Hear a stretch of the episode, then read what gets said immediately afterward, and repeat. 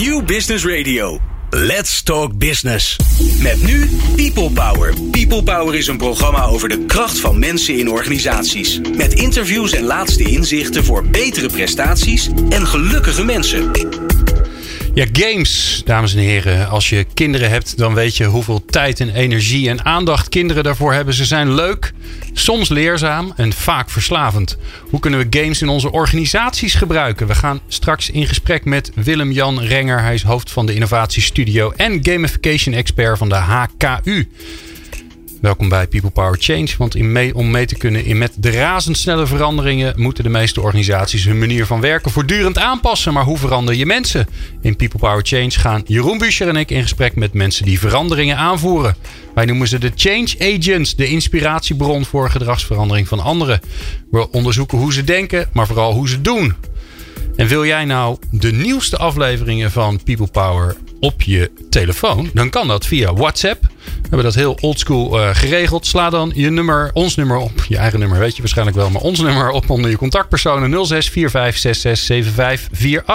En stuur ons een berichtje met je naam en podcast aan. Dan sturen wij de nieuwste afleveringen direct zodra ze online staan.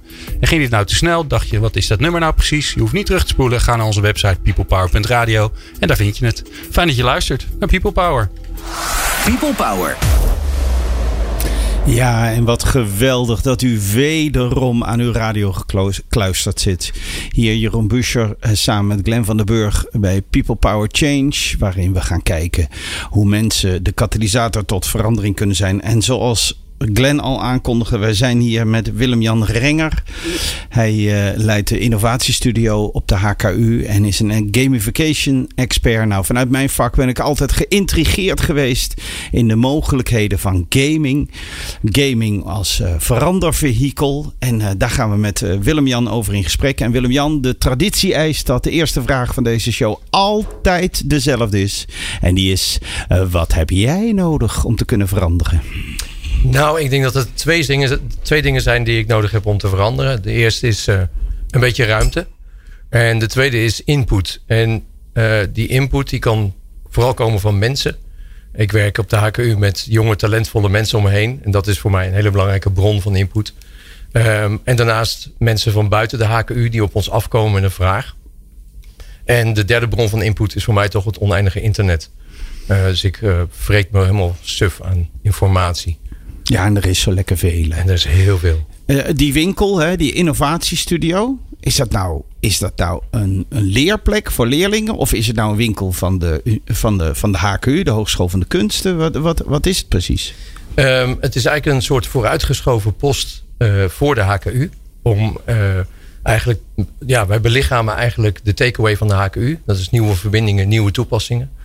Uh, dus wij proberen aan de ene kant heel erg in de buitenwereld te opereren om daar vragen op te halen, zeg maar, waar mensen in organisaties mee worstelen. En dan te kijken of die vragen passen bij onze propositie. Um, dat is de ene kant van het verhaal. De andere kant is dat we door projecten te doen met die buitenpartijen kennis opdoen. En we zijn een kennisinstelling. Uh, en als we die kennis hebben opgedaan, dan laten we die natuurlijk weer terugvloeien in onze curricula. En, dus, en die problemen die jullie ophalen, heeft dat nog een, een verband? Gaan die over iets specifieks? Uh, innovatie snap ik, maar innovatie waarin? Um, nou, de afgelopen jaren hebben we ons vooral gericht op vraagstukken in het domein van zorg en welzijn. Uh, maar daarnaast richten we ons natuurlijk ook op het onderwijsveld zelf, uh, omdat dat onze core business is. En we hebben veel gedaan voor erfgoedpartijen. Um, dus het, de waaier is in principe heel breed. Maar voor de luisteraar, ik hoor Hogeschool van de Kunsten. En snap ik dat daar ontwerpopleidingen zijn. Uh, aan wat voor vraagstukken moet ik dan denken? En, en, en wat kunnen kunststudenten daarmee? Nou, ik denk dat belangrijk is, is dat we als HKU proberen om voor dat ontwerpen uh, studenten te enthousiasmeren om antwoorden te helpen vinden op de grote maatschappelijke challenges. En uh, die zijn dus niet ik... een mooi vaasje zitten ontwerpen, maar iets doen wat werkelijk leeft in de maatschappij. Ja, en, en ik denk voor allebei is er ruimte. Uh, dus het is niet zo dat we alle studenten nou uh, moedwillig op die agenda zetten. Maar als studenten daarvoor gevoelig voor zijn. En ik merk aan de moderne generatie studenten die binnenkomen. Dat ze veel geëngageerder zijn dan ik was in mijn tijd. die studenten proberen met name te bedienen om een weg te vinden zeg maar, in wat zij kunnen vanuit een ontwerpperspectief En waar ze dan kunnen bijdragen aan die grote challenges.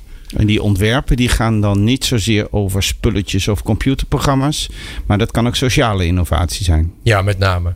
Uh, dus we proberen ze te leren dat ze hun ontwerpkunde eigenlijk dienstbaar maken aan uh, het uh, voorzien in ja, problemen waar mensen mee worstelen. En specifiek voor de innovatiestudio is dan dat we ons focussen op gedrag. Gedrag, motivatie en perceptie. Dus, je, dus jullie klant benadert jullie of jullie benaderen een klant. En die zegt van ja, uh, wij, wij, willen zorgen dat de mensen dit kunnen doen of dit gaan doen. En jullie proberen op innovatieve wijze daar een oplossing voor te verzinnen. Exact. Dat hoeft niet noodzakelijkerwijs een uh, spel te zijn. Nee, kijk, als uh, wij gaan wel vanuit onze propositie dat gesprek in. Dus ik probeer altijd wel heel snel af te tasten met zo'n externe partij of wij de juiste partij zijn om met ze in zee te gaan om een, een, antwoord te formuleren. Dus als dat niet zo is, dan verdoen we elkaars tijd en dan zorg ik heel snel dat dat een andere weg vindt. Uh, maar als ik de indruk heb dat we wel iets kunnen betekenen voor zo'n partij, uh, ja, dan gaan we met ze in gesprek. Laten we het heel even tactiel maken, dan, dan zien we het voor ons. Wat is nou typisch een vraag waar jullie aan gewerkt hebben afgelopen jaar? Um, nou, wat ik zelf een hele mooie vraag vond, was van een uh, kinderpsychiater in het UMCU, het Utrecht Medisch Centrum. Uh, en die vertelde dat hij werkte met uh, kinderen met gedragsstoornissen. En dan moet je bij het UMCU denken aan een beetje de laatste lijn. Hè? Dus dat zijn kinderen die al door heel veel behandeltrajecten zijn gegaan. En die eigenlijk doorverwezen worden voor de last resort eigenlijk. Van We de, kunnen er niks meer mee. Precies. Uh, dus dit is voor de, de specialisten echt. En hij vertelde mij dat die kinderen bij hem aan zijn bureau komen. maar dat hij eigenlijk ze niet meteen kan behandelen in een aantal gevallen. Omdat ze zo ver ja, uh, in de war zijn eigenlijk, dat die behandeling niet aanslaat. Dus hij zei, er gebeurt iets tussen thuis en bij mij komen, wat ik niet weet of niet kan zien, maar waar ik het, het gevoel heb dat er iets gebeurt. En uh, ik zou graag willen uitvinden wat dat is, wat daar misgaat. En of jij met games daar een antwoord op kan vinden. Oké, okay, en, en waarom gaat die dokter niet naar een of andere marktpartij? Um, nou, in mijn ervaring is het vaak zo dat de partij die de vraag heeft, die vraag nog niet zo scherp heeft dat hij zich een competent opdrachtgever voelt. En wat ook nog wel eens wil gebeuren is, al of niet terecht, dat uh, die vragen, de vraagdrager, zal ik maar zeggen, uh, het idee heeft dat als hij met een marktpartij in gesprek gaat, dat hij misschien wel iets krijgt aangeboden wat hij niet goed kan beoordelen, of dat een goed antwoord is, of wat hij als probleem bij zich heeft. Um, en ja, dat hij zichzelf eigenlijk nog niet zo competent vindt als opdrachtgever. Ze willen graag eerst wat meer zekerheid voelen voordat ze dat gesprek durven aangaan. Jullie zijn een ontwerpbureau voor sociale innovatie. Dus jullie Ja. beginnen helemaal bij het gedrag. Welk gedrag is gewenst? Ja. En dan beginnen we helemaal opnieuw te denken. Ja, En welke rol speelt gamification daar dan in? Ehm, nou, wat ik al zei, onze, eh, onze propositie gaat uit van eh, problemen die terug te voeren zijn op gedrag. Hè, dus eh, het al of niet vertonen van gewenst gedrag. Of het al of niet aanwezig zijn van motivatie. Ehm, dus mensen zouden be- bepaald gedrag moeten doen, maar doen het niet omdat ze onvoldoende gemotiveerd zijn. Of mensen hebben een perceptieblokkade op iets, waardoor ze dat gedrag niet willen of kunnen vertonen. En game, het, ontwerpen vanuit gamegedachten eh, leidt soms tot paden achterlangs, zal ik maar zeggen. Waardoor mensen eh, of die blokkades kunnen omzeilen of verleid worden tot dat gedrag. Eh, of eh, additionele motivatie vinden om iets te gaan doen. Waarom werkt het bij een game dan wel? Wat bedoel je met wat we Waarom? Hoe, komt, hoe kan het dan dat die game, als, die, als dat achterpad werkt, waarom lukt het met een game wel om mensen te verleiden een bepaald soort gedrag te vertonen? Mm, ja, het wordt een beetje filosofisch, denk ik. Maar ehm, Oh, daar schrikt onze luisteraar niet Nee, meer van hoor. Nou, nee, nee, nee. eh, We hebben Harry Starre als columnist. je hoort no ze, worries. ja, precies, je hoort ze nu zuchten. Daar gaan Daar we. gaan we weer. weer. Het moment in het gesprek waar het filosofisch wordt. Ehm, nou, kijk, games zijn eigenlijk een, een, eh, een, een omgeving buiten de werkelijkheid. En het bijzondere van games is dat het een ongeschreven afspraak is. Dat als je eraan mee gaat doen, dat je je overgeeft aan de wetmatigheden die gelden binnen die game.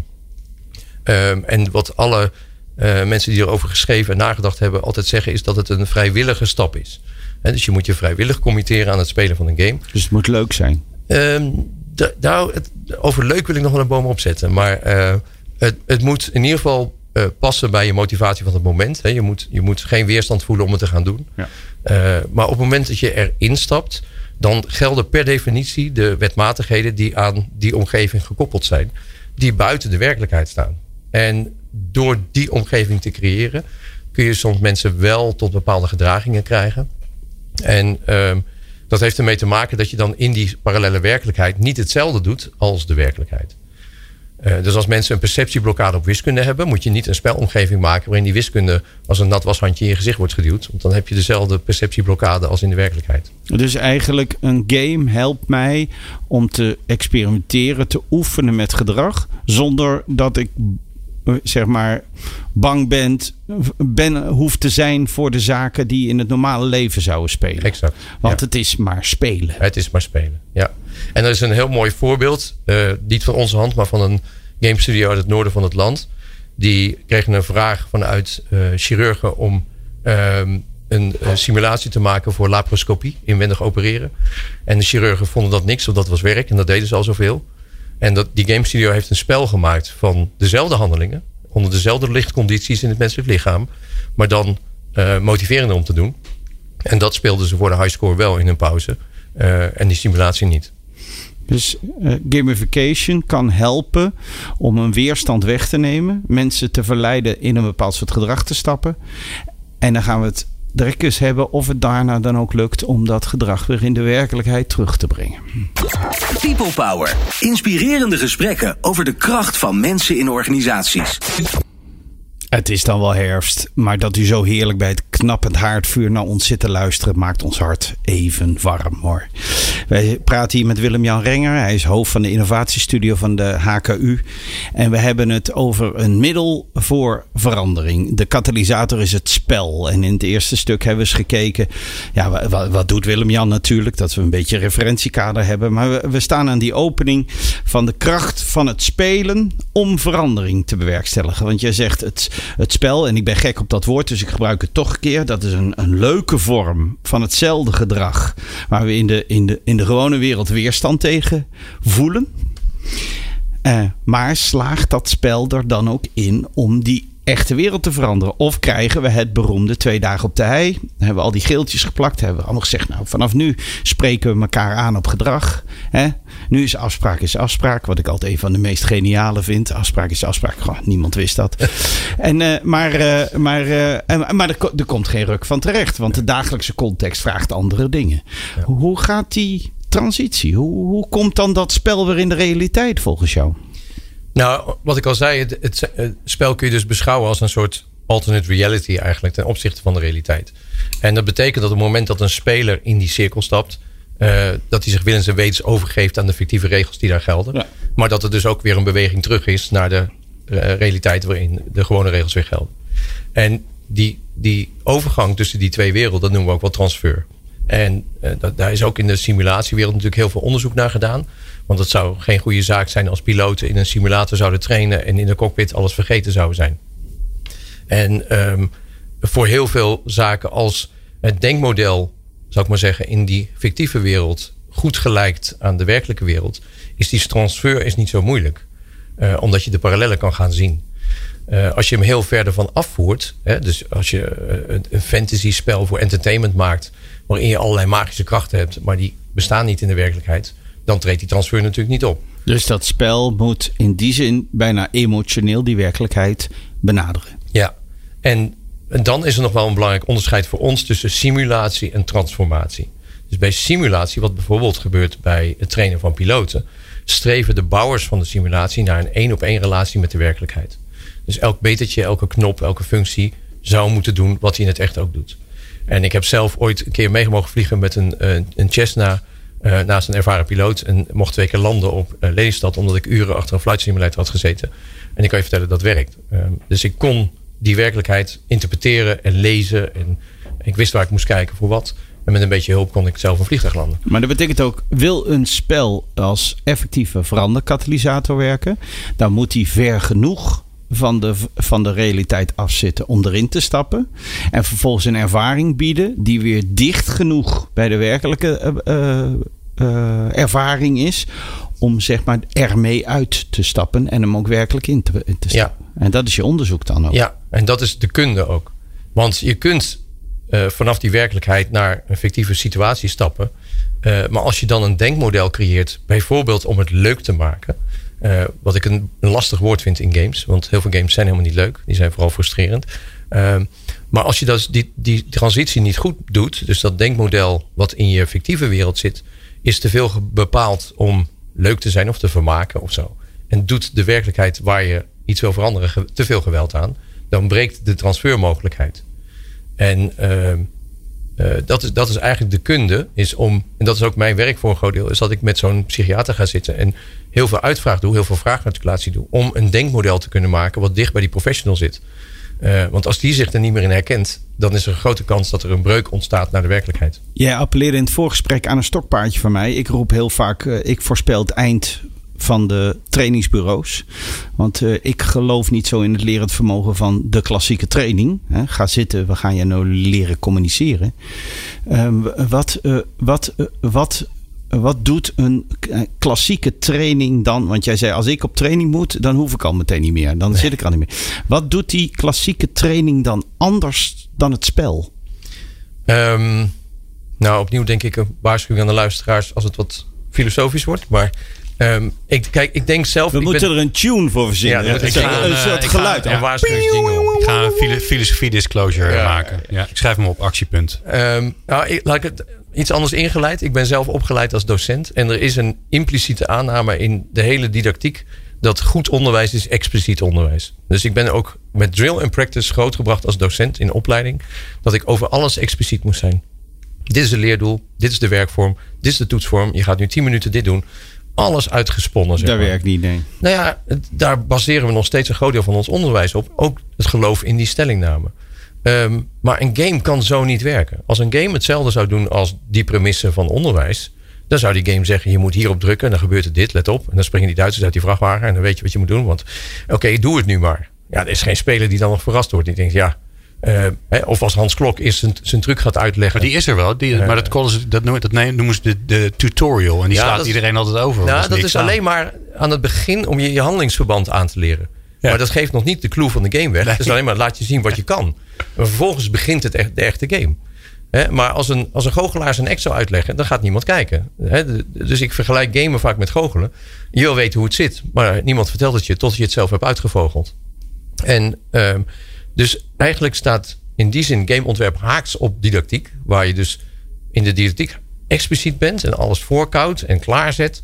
Uh, laat de gamer uh, moet eigenlijk zwemmen in de oceaan van onwetendheid om door zijn eigen handelen te ontdekken hoe het zit. Nou, als je die twee paradigma's naast elkaar zet, dan snap je dat een formele train situatie met we gaan nu dit doen en dat is de bedoeling en zet je gele bouwhelm op en voor veel mensen, in ieder geval voor mij, tot een soort absolute blokkade uh, van uh, ik leer hier niet, want uh, ik, ik, zit in de weerstand. Me, ik zie mezelf ineens op de rand van het zwembad. Het spreekt natuurlijk voor zich dat ik slecht in sport was. Maar dat ik, dat ik die, die, schoolslag moest oefenen. Zo op die ja. tegels, met je buik op die tegels. Ja. En dan zo naar voren. En, en als, ze, als je er weer uitriepen en zei je, nee, nu, dan, ja, dan, oh, dan doen we dat weer even. Maar in dat water ja. werkte dat niet. Nee. En jullie proberen iets te verzinnen dat je in dat water door prikkels eigenlijk je handen naar voren gaat steken en ze wijd uitslaat en ze weer bij elkaar brengt en weer naar ja. voren duwt. Ja. En, en wat we dus vaak met de transfer doen, is dat achteraf. He, want dat is wel vaak een vraag die wij krijgen, ook als we mensen opleiden om dit te leren doen. Is heel veel mensen willen graag die transfer in die game hebben. En, en je voelt al uh, naar de filosofie jingle van net, maar dat is heel moeilijk. Want we hebben een alternate reality geschapen waarin we dat gedrag doen. En als die ook de transfer bevat terug naar de werkelijkheid, dan breekt die de cirkel. Ja. Dus je hebt, twee, je hebt twee hoedanigheden, de werkelijkheid en de cirkel, en een brug. En in mijn ogen is het de rol van de docent om die brug te zijn. En te zeggen, dit heb je net ervaren hier, dit is de werkelijkheid en hier loopt de brug. En wat zou je nou kunnen doen met deze ervaren werkelijkheid dan? Precies. Dus wat geldt er nou vanuit die spelervaring? Wat daarvan is nou relevant in de werkelijkheid? Ja. En wat hebben we daarin gebracht om die cirkel de cirkel te maken. Ja, als we vroeg over game hebben, want ik merk dat ik behoefte krijg om dat expliciet te maken. Dan zagen we een kartonnen plaat voor ons met oogjes en een dobbelsteen. Tegenwoordig zien we natuurlijk al snel een muis en een scherm voor ons. Maar wij hebben het hier ook over games die gewoon in de ruimte ja. kunnen plaatsvinden. Ja. Ja. Het is niet zo dat jullie noodzakelijkerwijs digitaal vertrekken. Het kan. Maar het hoeft niet, hè? Nee, het hoeft niet. Nee. Uh, kijk, al onze ontwerpen beginnen op pen en papier. Uh, omdat paper prototyping een manier is om zonder de ballast van technologie en de investeringen daarin de werking van dat denkmodel uit te, uit te dokteren en uit te proeven. Paper prototyping, wat ja. eventjes nu voor ons neologische dilemma. Uh, ja, dat was jargon. Um, kijk, we maken uh, in de dialoog met, met de eindgebruikers en met de arts en hè, wie dan ook de, de probleemdrager is, een denkmodel van wat dat beoogde gedrag zou moeten zijn. En dat beoogde gedrag proberen we zo snel mogelijk in een ontwerpje te vatten. En de eerste versies bij ons zijn met stickies, uh, muntjes in je zak, uh, een, een aansteker als pion. Ik ben altijd gek op die suikerzakjes bij klanten. Bijvoorbeeld. Daar zit ik altijd mee te, mee Met te kijken. Dus dat een groepje en dan doen we dit en Die, doen we dat. ja. Ja. Dus eh, wat, wat er ook maar in je kantoor ligt, daar kun je al mee gaan ontwerpen. En dan kijken we of dat gewenste gedrag wat wij voor ogen hebben, ontstaat in het spelen van die mensen. En pas als we daar voldoende eh, eh, mogelijkheden voor zien, dan pas springen we eigenlijk naar die technologie. Eh, die natuurlijk fantastische voordelen heeft in eh, de complexiteit van de feedback geven en, en verrassingen opwerpen en eh, dynamisch de content moeilijker maken en dat soort mooie dingen. Eh, maar er zitten ook nadelen aan. Want minder met mensen in de ruimte waar je dagelijks mee werkt. Ja, Maar, maar mag ik hem eens voorleggen? Wij hebben een, eh, wij hebben een eh, organisatie. En, eh, en er zijn allemaal eh, eh, mensen die in hun eentje bij klanten langs gaan. Hè? Die, die reizen door het hele land heen. En die wisselen helemaal geen kennis uit. En wij willen graag anders gedrag. Want ja, ze hebben hun targets. Dus ze bemoeien zich verder niet zo met elkaar.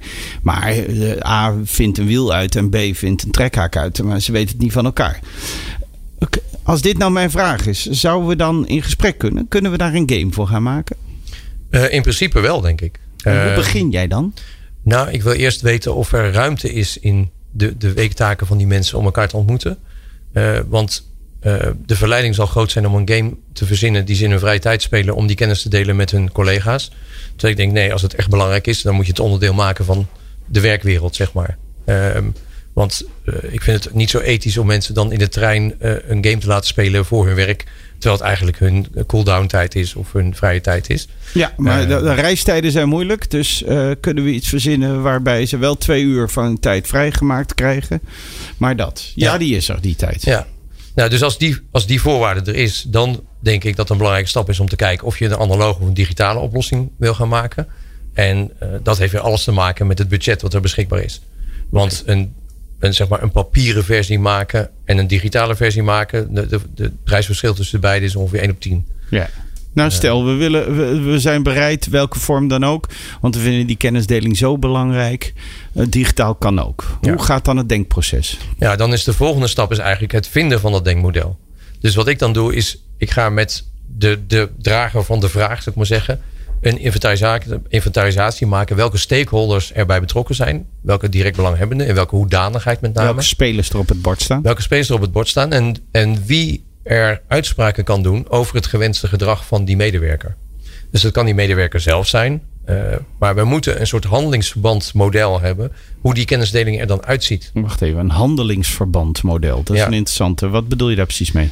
Nou, kijk, gamen gaat over handelen. Het gaat niet over content, het gaat niet over tekst, het gaat over dingen doen. Iets doen. Ja, dus eh, als ik nadenk over games, denk ik altijd in termen van werkwoorden. Ja. Dus eh, wat ik heel vaak met, met klanten of opdrachtgevers doe, is dat we een soort, ik noem dat zelf déjà vu. Dus ik, ik wil met die opdrachtgever een filmpje eigenlijk oproepen in het hoofd van die medewerkers die uit die buitendienst komen en wat die dan met elkaar doen. Hoe ziet dat eruit? Wat doen ze dan? Als ze doen wat we zouden willen dat Ja, ze moeten doen. Van het, dus het ideale gewenste gedrag. Dus ik vraag aan een docent: hoe ziet dat filmpje eruit als jouw leerlingen met een onderwerp bezig zijn? Hebben ze rode konen? Zijn ze aan het overleggen? Zijn ze los van elkaar bezig? Ik snap dat dit een proces is wat heel lang doen, maar we proberen hem voor de luisteraar heel kort te doen. Nou, wat ik ga, eh, wil, ik probeer hem de volgende stap te zetten. Wat, wat, we, eh, wat ik wil, ze komen van een klant vandaan. Die klant eh, die is boos geworden. En dat ze dan zeggen, jongens, het is mij niet gelukt om in die relatie met die klant te krijgen wat we hebben willen. Want hij werd boos, want ik weet dat ik deed dat en dat. Wat zouden jullie hebben gedaan? Mhm. Ja. En dan? Nou, dan, dan ga je waarschijnlijk naar een soort intervisieachtig model. Dus het niet zozeer delen van kennis, maar meer delen van oplossingsstrategieën. En We weten van intervisie dat dat altijd protocol gestuurd is. Omdat je wil voorkomen dat mensen zeggen, weet je wat jij moet doen? Want dan krijg je meteen dat jumpen naar een oplossing. Dus we maken twee kolommen van gewenst en ongewenst gedrag. Wat wil je niet dat ze doen? Bijvoorbeeld met meteen de korte bocht een tip of zo. Want dat is ook nog iets als persoonlijke stijl. Maar we maken twee kolommen, gewenst gedrag en ongewenst gedrag.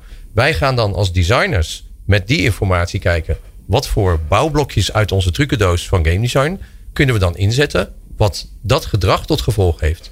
Daar maken we heel snel papieren prototype van. En dat gaan we testen. Meteen met mensen uit de buitendienst. En kijken of we dat, dat videofragmentje voor onze ogen zien. Dus je, je, je, je ontrafelt het gewenst gedrag. Je probeert erachter te komen wat ze triggert om dat gedrag te vertonen. Je anseneert dat. En dan na afloop ga je vragen: Goh, nu heb je dit gedrag vertoond. Zou je dat soms in de werkelijkheid kunnen gebruiken? Nee, want dit is de eerste ontwerpstap van een aantal herhaalbewegingen, iteraties, waarbij we steeds dezelfde lust doen.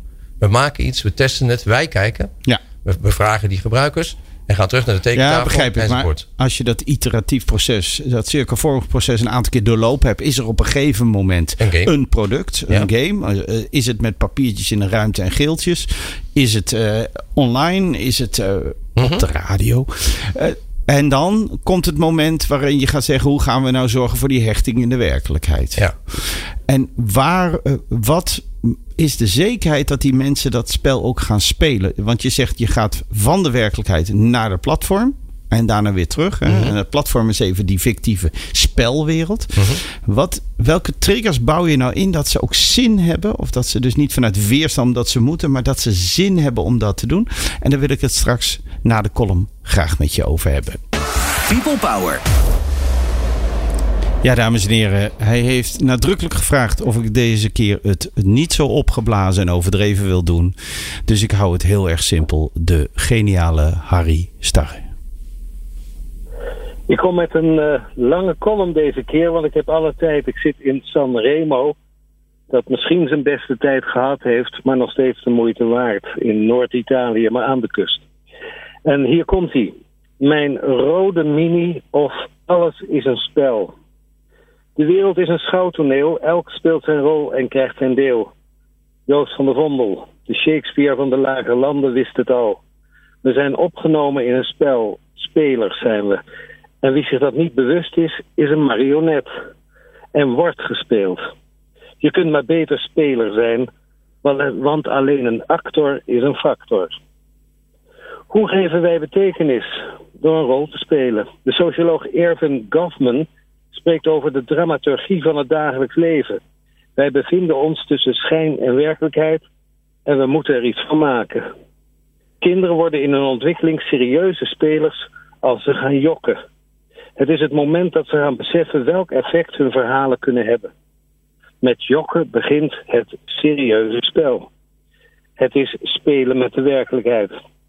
We spelen onszelf en dat doen we naar beste vermogen. De beste spelers kunnen buiten hun rol treden en zichzelf en zien zichzelf. Welke rol speel ik hier? Ben ik het slachtoffer of de beul, de ouder of het kind, de rulemaker of de rulebreaker? In de wisselwerking bepalen we onze positie. Het spel is begonnen. Het is de dramaturgie van ons dagelijks leven, zeg ik Goffman na.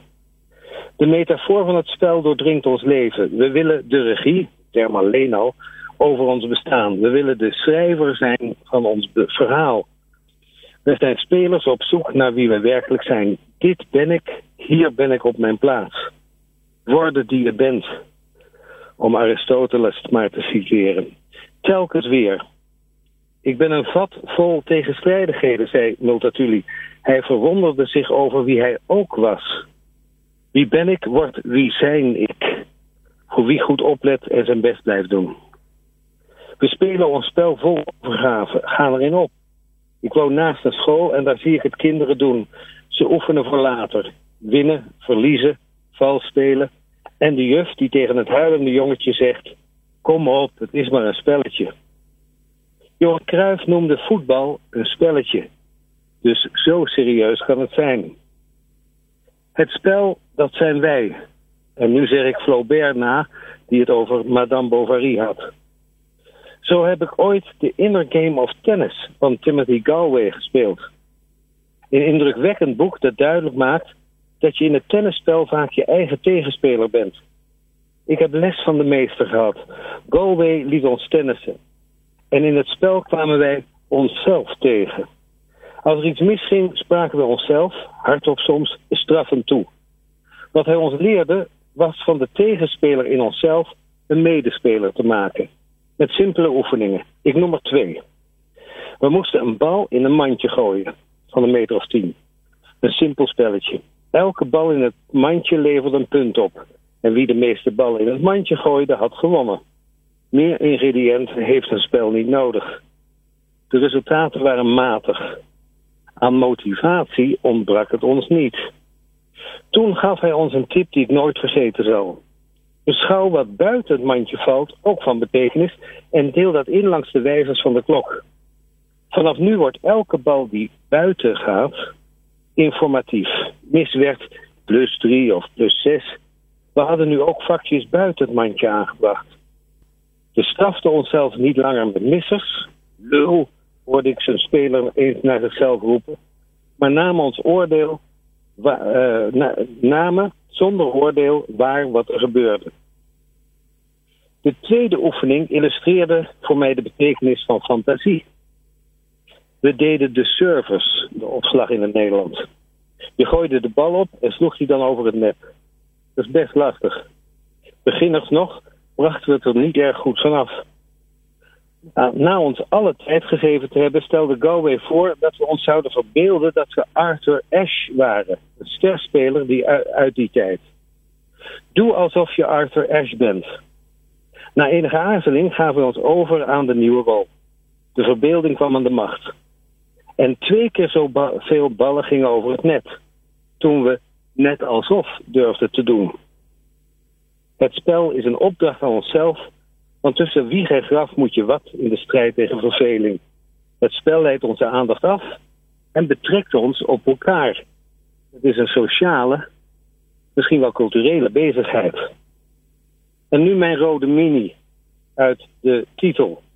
Ik heb een rode mini cabrio, de vrucht van een midlife. Ik verwaarloosde die auto, hoezeer ik ook van het rijden genoot. Tot de vriend van mijn dochter aanbood de auto bij een bevriende vakman, Dennis van der Willik, van Car Detailing, ik noem hem toch hier maar, een make-over te laten geven aan de auto, een soort refurbished car. Knappe jongen die hier nog iets van maken kan, zei ik. Want als het om verwaarlozen gaat, sta ik mijn mannetje. Deze bevriende man, vakman, Dennis dus, heeft als hobby, want dat is het, zijn werk is een hobby, om auto's die er niet uitzien weer helemaal nieuw te maken. Door aandacht te geven en inzet te tonen. Inzet te tonen. Kosten wat het kost. Het is een lust in zijn leven. Ze vallen het object met z'n vieren aan, vier vakmensen. Vakmensen alle vier. En stoppen pas als alles, alles zijn oorspronkelijke glans teruggeeft. Het is een spel waarvan ze genieten, een uitdaging. Ze noemen het ook wel eer van je werk hebben. Het is een spel en ze nemen het serieus, maar ze genieten tegelijkertijd. Zoals het maken van een column ook een spel is. Als Jeroen Buscher mij mailt, krijg ik meer weer een column van je, dan is voor mij het spel begonnen.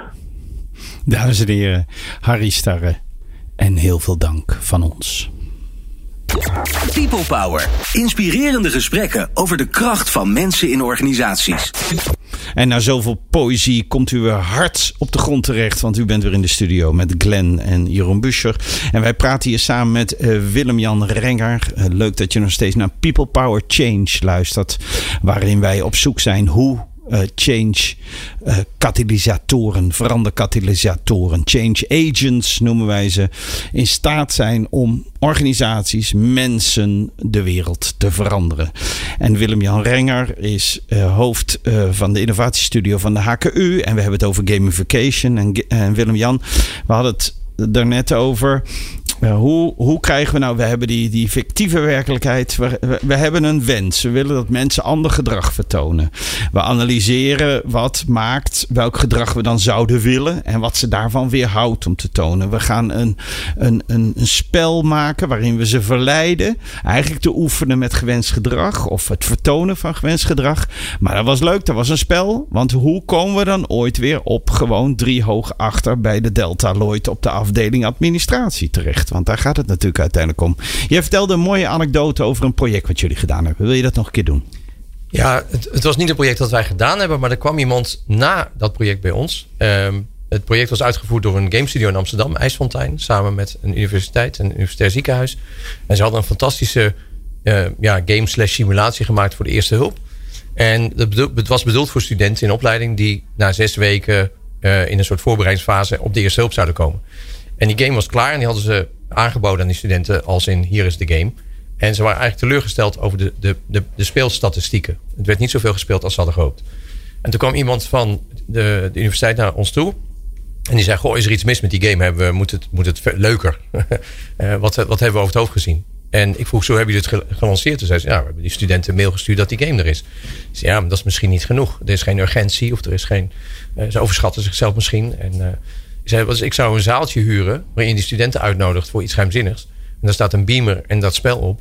En daar zitten twintig uh, artsen in opleiding. En laat ze één voor één op het podium komen en een, een casus uit die game doen. En geheid dat er tien patiënten overlijden omdat ze nog niet zo goed geoefend hebben. Uh, en dat dan overstaan van hun peers is dat natuurlijk uiterst gênant. Uh, dus een blame and shame oefening. Ja. En vervolgens zeg je, nou, dat ziet er goed uit. Over zes weken staan jullie met echte mensen aan het bed. Dus uh, misschien zou ik de game nog even proberen. En dat, die oefening herhaal je zeg maar drie weken later. En dan zul je zien dat die speelstatistieken enorm omhoog gaan. En dat is dan de ladder die je uit de werkelijkheid mensen helpt omhoog te, te, te klimmen. Om in die simulatie te stappen. Ja, je geeft een urgentie eigenlijk om het te doen ook. Ja, en dan, en dan nou, nou, in dit voorbeeld snap ik meteen, want daar oefen je eigenlijk heel letterlijk ja. een situatie. Er komt iemand binnen met een slagadelijke oef, uh, oefening, voor mij. Bloeding. Wat doe je? Mm -hmm. En uh, maar als het nu over wat abstractere zaken gaat, zoals samenwerken of creativiteit of uh, kennisdeling, wat dan ook. Hoe, hoe breng je die ladder weer van die game naar die vloer? Wat, wat moet je daarvoor doen? Want het blijft een fictieve werkelijkheid. Ja. Wat zijn de ontwerpcriteria voor een goede game dat die ook effectief is dus? Nou ja, wat, wat dat voorbeeld net illustreert is eigenlijk dat je twee ontwerpopgave hebt. En uh, in navolging van een Amerikaanse professor, David Sheffer, die maakt zelf het onderscheid tussen little game en big game. Hij zegt die little game, dat is eigenlijk het product wat je gebruikt voor die fictieve cirkel. Maar als je dat alleen ontwerpt, heb je een kans dat die op de koude tegels van de werkelijkheid valt. Dus naast als ontwerper heb je een tweede taak, dat is de big game ontwerpen. Dus je moet iets in de context veranderen waarin die kleine game betekenisvol wordt. Uh, en dat is eigenlijk wat ik net schetste. Dat, kan je dat concreet maken? Ja, dat verschilt heel erg per situatie. Zoals je net zei, die, voor die artsen is dat de urgentie om die mensen te redden en dat zichtbaar te maken dat ze dat nog niet kunnen, een prikkel om het te doen. Um, en in andere situaties denk ik dat het altijd belangrijk is om um, ergens te appelleren aan de, een, een gevoel van zingeving voor die persoon die het moet spelen. Uh, dus die persoon moet zelf ervaren dat er ook daadwerkelijk iets te halen valt om het te doen. Dus je, je, je, breng, je geeft die ladder. Ze, ze stappen in die fictieve wereld. Gaan spelen zoals wij dat als kind deden. Uh, het is ongevaarlijk, want die mensen gaan niet dood in het spel. Maar ik kan mijn, mijn vaardigheden wel oefenen. Uh, dus als ik feedback, waar ik trouwens tegen ben. Maar feedback ga oefenen in een spel. Dan hoef ik niet bang te zijn dat ik iemand beledigd heb. Dan hoef ik niet bang te zijn dat, dat ik vanaf morgen op het werk kom en dat diegene. En dan uiteindelijk moet de herkenning in het spel weer zo groot zijn dat je gaat denken: maar wacht eens even. Dit lijkt wel op dinsdagochtend op de vloer. Ja.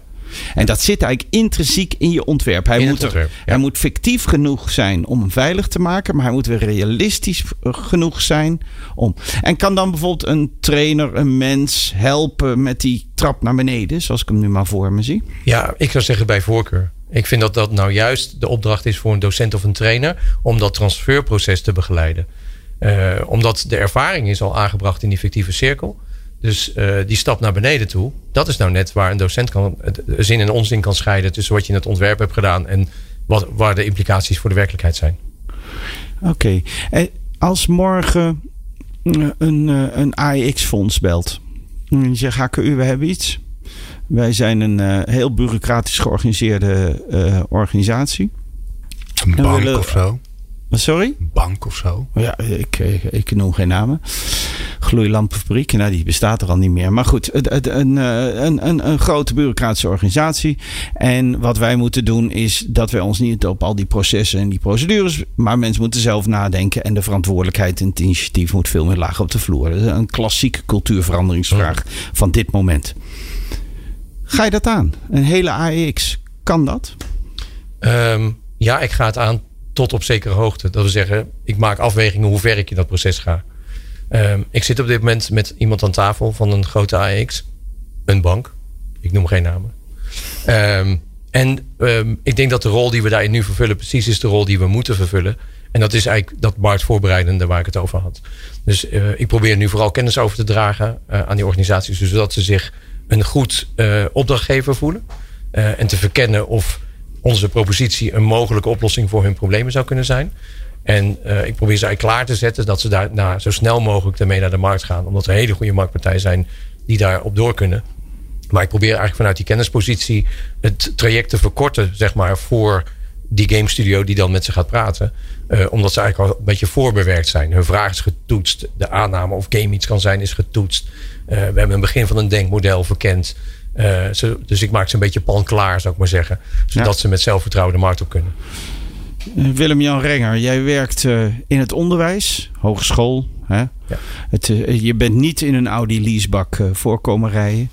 Ehm, ik, ik ken zelf een ondernemer die maakt veel podcasts. Hij is ook dagvoorzitter. En, oh, hij, ja, ik heb ook geen Audi. Uh, ik, God, je voelt je wel weer snel aangesproken, Glenn. Maar, ja, maar hij, stel even, ik verzin wat. Hij, hij, hij, hij maakt eigenlijk, hij is bezig een organisatie te bouwen rond de kracht van mensen in organisaties. Een fictieve casus. En die, die zegt op een gegeven moment: Goh, maar hier is, wij, wij zien in de markt hier heel veel werk voor. Want wij zijn bezig met verandering. En uh, uh, Willem-Jan Renger, waarom kom je niet in de markt? Dan zijn er klanten die heel veel geld betalen. En dan, kunnen we, dan hoef je niet meer online met die Audi Maar dan mag je er in, in real life in rijden. Waarom werk jij op een opleiding en niet in het bedrijfsleven? Ja, dat is een uh, vraag die mij heel vaak gesteld wordt. En um, uh, ik heb meerdere antwoorden voor de familie en voor de radio. En, de, de, de, uh, de, de, de, minst schand, de meest schandalige, wat houden wij van? Ja. Nee, ik denk het meest eerlijke antwoord is dat ik in, in hart en nieren een onderwijsdier ben. Dus ik zie die projecten en die werkzaamheden vanuit Innovatiestudio als een hele belangrijke bron van kennisverwerving om over te dragen op een nieuwe generatie studenten. Uh, ik ben ook coach in een masterprogramma uh, Crossover Creativity, waarin we game changers willen opleiden. En ik geef ze gewoon vers van het mes, eigenlijk wat ik meemaak in die buitenwereld door, uh, zodat zij beter worden dan ik. En of dat is mijn je, grootste motivatie eigenlijk. Of ben jij misschien stiekem je product? Is dit de mooiste game speelplek denkbaar om het verzinnen van games te bedenken? Ja, maar dat mag je niet verder vertellen. Oké. Okay, dan wil iedereen het gaan doen. Glenn bijvoorbeeld. Dames ja. en heren. Dank voor uw aandacht. Het was weer een heel erg interessante People Power Change. Uh, dit is gelukkig uh, een, een auditief medium. Want dan zou je nu waarnemen wat Glenn doet. Om te zorgen dat ik ophoud met kletsen. En dat is niet. Ik wil voor, het ook wel auditief doen hoor. Uh, dat dat, dat is niet voor onder de 33, zeg maar. um, ik dank Willem-Jan Renger heel erg voor zijn verhaal over games als, als een cirkel. Waar je instapt, waar je meemaakt wat je eigenlijk in het dagelijks leven mee zou kunnen maken, maar nu met ander gedrag. Waardoor je de voordelen ziet, waardoor je leert en daar waarna je weer terug kan stappen in dat wereld en je voordeel eraan kan doen. Ik dank je heel erg. Ik wens je heel veel succes bij de HQ. En dames en heren, nu het hoogtepunt van deze show: de afkondiging van Glenn van den Burg. Dankjewel, Jeroen. Oh, heerlijk zo'n uurtje. Hè? Ik vond het super leuk. Ik heb uh, weer veel geleerd. En volgens ik ga er. Nee, ik weet niet met jou zit, joh, maar ik ga er wel meer gebruik van maken. Dat is toch altijd het leuke van deze podcast of deze, deze radioprogramma's. Dat wij het over denk, dingen hebben dat je denkt, ja, oh, dat kan ik, ik goed denk, gebruiken. Ik denk dat je een aanbod gaat krijgen, Willem-Jan. Ja. ik ben er klaar voor. ja. Nee, zeker. Dat gaat helemaal goed komen. Uh, dames en heren, het was uh, sowieso heel fijn dat je luisterde. En uh, mijn advies is, luister ook naar de volgende aflevering van People Power. Uh, want dan gaan we in gesprek met uh, Sven Romkes. Dat is een van de columnisten, jazeker. Maar die is nu het hele uur te gast samen met zijn collega Marita Bruning. Over de aanpak van inclusie binnen ABN AMRO. Een van die banken die, uh, die genoteerd is aan de, aan de, aan de AEX. Of heet dat ding tegenwoordig anders? Nou, maakt niet zo uit. Uh, mocht je nou denken, ja, maar ik wilde zo graag al die afleveringen van Jeroen Buescher horen, waar de indie te horen is. Nou, dat kan, want al zijn columns staan netjes apart vermeld. Dan klik je op onze website even op uh, uh, podcast en dan krijg je al onze columnisten. En wil je alle afleveringen van People Power Change horen, dan klik je op radioreeksen. Wat een leuke alliteratie is. En dan klik je op Change. En dan heb je alle afleveringen van Change bij elkaar. En die kun je dan fijn allemaal achter elkaar binge listenen. Ik weet niet of dat een woord is, maar bij deze. Fijn dat je luisterde en uh, ik hoor je weer en jij hoort mij weer in de volgende aflevering van People Power. Meepraten of meer programma's? people-power.nl